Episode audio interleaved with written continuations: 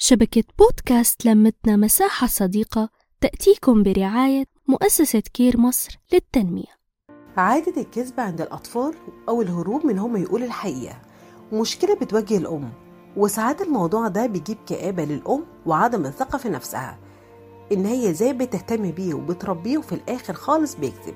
الموضوع بسيط ممكن يتعالج بسهولة. الأطفال بيتعلموا الكذب لما يبقى عندهم حوالي 3 سنين.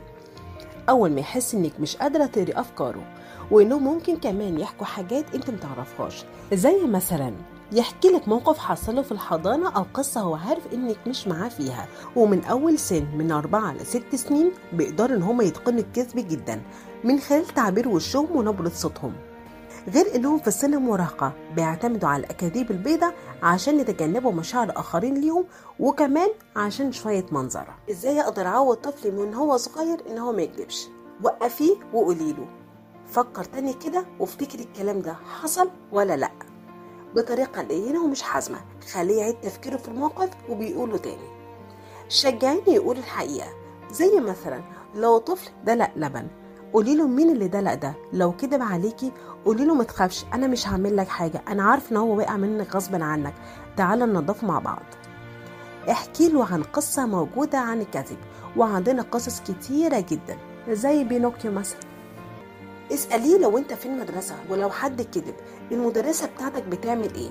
اعرفي منه وخليه يقول العواقب بنفسه.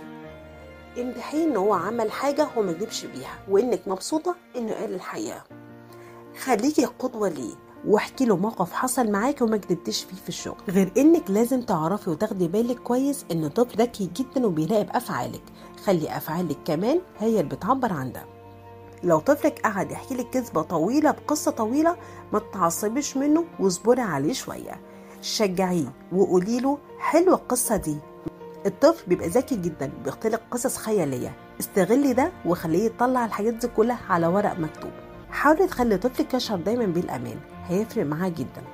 حاجات بسيطة لو عملناها هتختلف في تربية الأطفال. إحنا بس محتاجين نصبر شوية وزي ما قلتلك خطوة بخطوة هنساعد أطفالنا إنهم يبقوا أحسن ناس في العالم. نحكي نتشارك نتواصل.